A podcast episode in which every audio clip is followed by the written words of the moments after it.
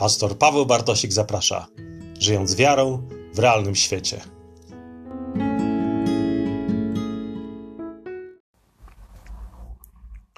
Cześć, witajcie w kolejnym odcinku e, podcastu Żyjąc wiarą w realnym świecie. Dzisiaj chciałem podzielić się z Wami kilkoma myślami po kolejnym e, rządowym zaostrzeniu e, przepisów w związku z ilością już ponad 30 tysięcy zakażeń wirusem COVID-19.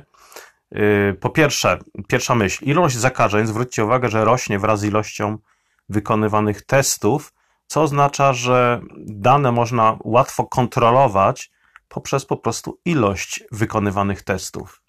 Po drugie, maseczkę, antymandatówkę, tak zwaną, w sklepach czy galeriach handlowych zakładam ze względu na zwykły szacunek i miłość do bliźniego, po prostu po to, żeby mój bliźni y, nie bał się mnie czy mojej obecności gdzieś w sklepie czy galerii handlowej. Trzecia myśl. Będę cię traktował tak samo, bez względu na to, czy jesteś zaszczepiony, czy nie. Nie, nie, nie, nie powinno być tu żadnych różnic w traktowaniu drugiego człowieka. Czwarta rzecz. Spotkam się z każdym, kto poprosi mnie o spotkanie.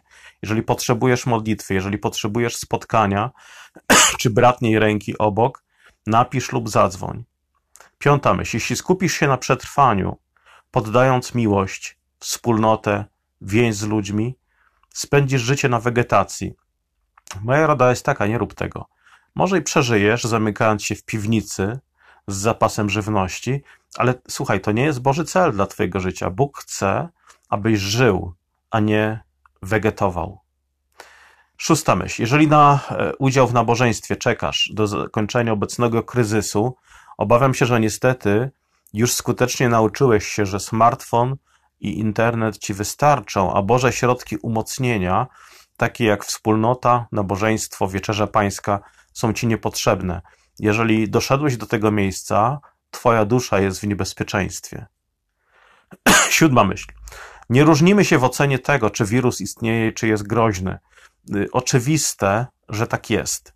Nie różnimy się w tym, czy chorych na COVID y, należy leczyć, czy należy dezynfekować ręce, czy należy zachować ostrożność. Tu się nie różnimy.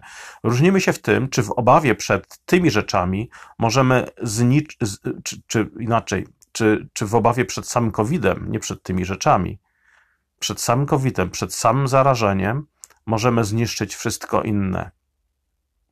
Ósma rzecz. Już wiemy, że zniszczono za wiele.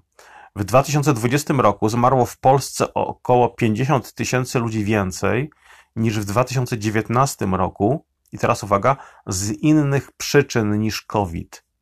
Na COVID zmarło ponad połowę mniej, czyli około 28 tysięcy osób, ale włączając w to tak zwane choroby współistniejące.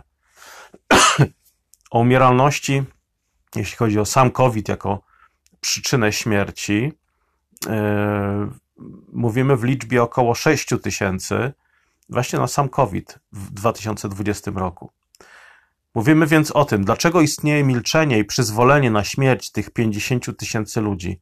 Czy też powiemy, no, ale przynajmniej nie umierają na COVID. Przynajmniej nie umierają na COVID. I ostatnia rzecz, e, jak wiemy, rząd zaostrzył restrykcje w kościołach z jednej osoby na 15 metrów kwadratowych do jednej na 20 metrów kwadratowych. Oczywiście, może być oczywiście w cudzysłowie, na podstawie sprawdzonych badań i statystyk. Oczywiście nie ma w tym żadnego widzimisię i swobodnej uznaniowości, choć wiadomo, że bezpieczniej byłoby na przykład jedna osoba na 40 metrów kwadratowych. No ale minister zdrowia z premierem uznali, że jedna na 20 metrów kwadratowych jedna osoba na 20 metrów kwadratowych jest ok, więc spokojnie zachowując tę przestrzeń można przyjść. Yy, dlatego domaganie się zamykania kościołów jest nienaukowe, jest niepotrzebne, wywrotowe i nierozsądne. Po prostu słuchaj, słuchaj swojego rządu. Nie zmierzam do tego, że kościoły należy, należy zamknąć, ale jeżeli ktoś uznaje rząd za ostateczną wyrocznię i autorytet w kwestii narzucanych restrykcji, powinien po prostu udać się do kościoła, zachowując ów dystans e, czy regulację jednej osoby na 20 metrów kwadratowych, dlatego że politycy oraz ich medyczni doradcy uznali w ten sposób, że jest to bezpieczniejsze miejsce niż market budowlany, meblowy, yy, niż fryzjer czy kino.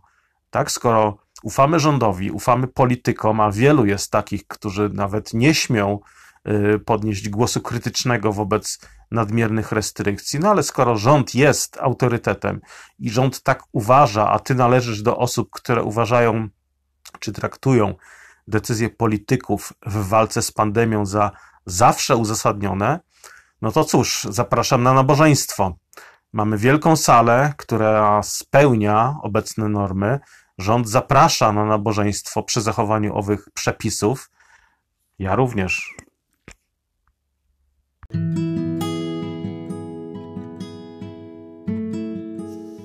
Dzięki za Twój czas i za wysłuchanie. Zapraszam na kolejne podcasty i do odwiedzenia bloga pybartosik.pl.